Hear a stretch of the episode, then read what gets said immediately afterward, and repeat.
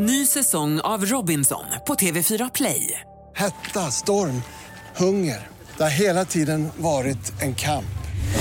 Nu är det blod och tårar. Fan händer just nu. Det. är Detta är inte okej. Robinson 2024, nu fucking kör vi!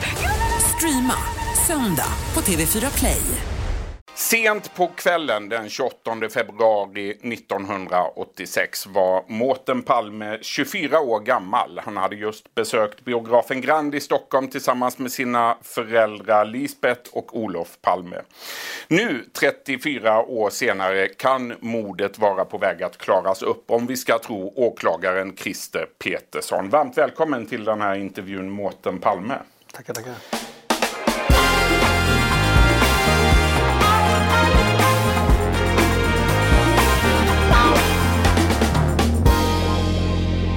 Säger du Mårten om eh, de besked vi nu får ifrån åklagaren Christer Petersson? Hur reagerade du när du fick höra honom säga att vi kan vara på väg att klara upp mordet på din pappa? Eh, nej, men det är ju såklart glädjande och överraskande. Jag, vi, var inte, vi hade inte på något sätt fått, några förhandsinformationer om det här. Men, eh, det, är, ju- ja, men det är ju bra liksom, att de har, tror sig ha fått sådana informationer så att de kan säkert säga vem som är mördaren så att säga och vad bakgrunden till mordet är. Blir du överraskad över att det här kommer nu? Eh, ja, det måste jag säga. Har det förekommit några kontakter mellan familjen och åklagaren? Har ni fått någon information på senare år om hur arbetet går med utredningen? Nej, kan man inte säga. Vad tänker du om det? Nej men alltså jag eh, tycker att det är, jag, respekterar det. För att eh, jag menar, det är ju väldigt angeläget att de klarar upp det. Och jag förstår att de vill hålla det hemligt så att säga. Vad skulle det betyda för dig och för familjen om polisen kan presentera säkra bevis på vem mördaren är? Ja, det vet jag inte, inte något konkret men det är ju klart att det är eh, naturligtvis är det ju en vill man ju veta så att säga bakgrunden. Men eh, Det har talats mycket om den här så kallade Skandiamannen på senare år, Stig Engström. Han har tidigare varit aktuell i Palmeutredningen men han avskrevs i ett tidigt skede. Vad tänker du om det idag, att han avskrevs? Alltså det att han avskrevs så tidigt eh, i det första skedet så att säga. Ja det var ju ett, eh, måste man väl säga var ett misstag. Det har pratats mycket i den här utredningen genom åren om alla misstag som polisen har begått och misstag som har begåtts i utredningen. Vilka misstag tycker du har varit allvarligast? Ja det vet jag inte riktigt. Eh, nej men det, alltså det är så många andra som har påpekat de där misstagen. Men det är klart att man kan väl också framhålla att det ändå har skett mycket bra polisarbete i den här utredningen också. Jag menar det är en enormt stor eh, utredning och eh, det är naturligtvis väldigt svårt med sådana här eh, så kallade spaningsmord och eh, uppklarningsprocenten är ju eh, så att säga, obetingat väldigt låg. Eh, och eh, i den här utbildningen kan man ju säga att de har, ju- jag menar, de har ju kommit väldigt långt i många olika avseenden. Och eh, eh, materialet är ju väldigt omfattande.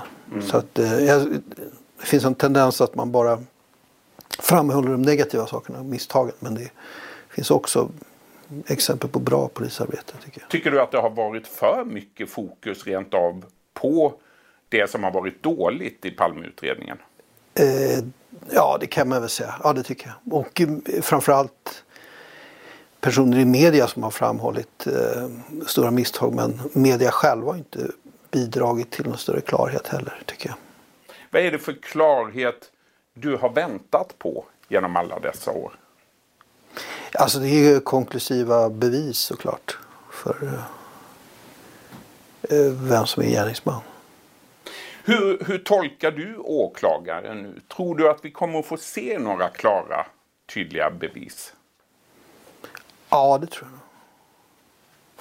Det Ja, så tolkar, ja, det, så tolkar jag nog åklagaren. Din eh, mamma, hon eh, eh, dog hösten 2018. Eh, det har uppgetts att hon var kallad till ett nytt förhör. Men det förhöret blev aldrig av för att åklagaren blev sjuk. Ja, just det. Vet du vad hon hade tänkt säga? Nej, ingen aning. Alltså, det var ju polisen som ville ha ett nytt förhör. Men, Mm. Men vad de förhören gällde, det har jag ingen aning om. Det visste inte Lisbeth heller. Nej.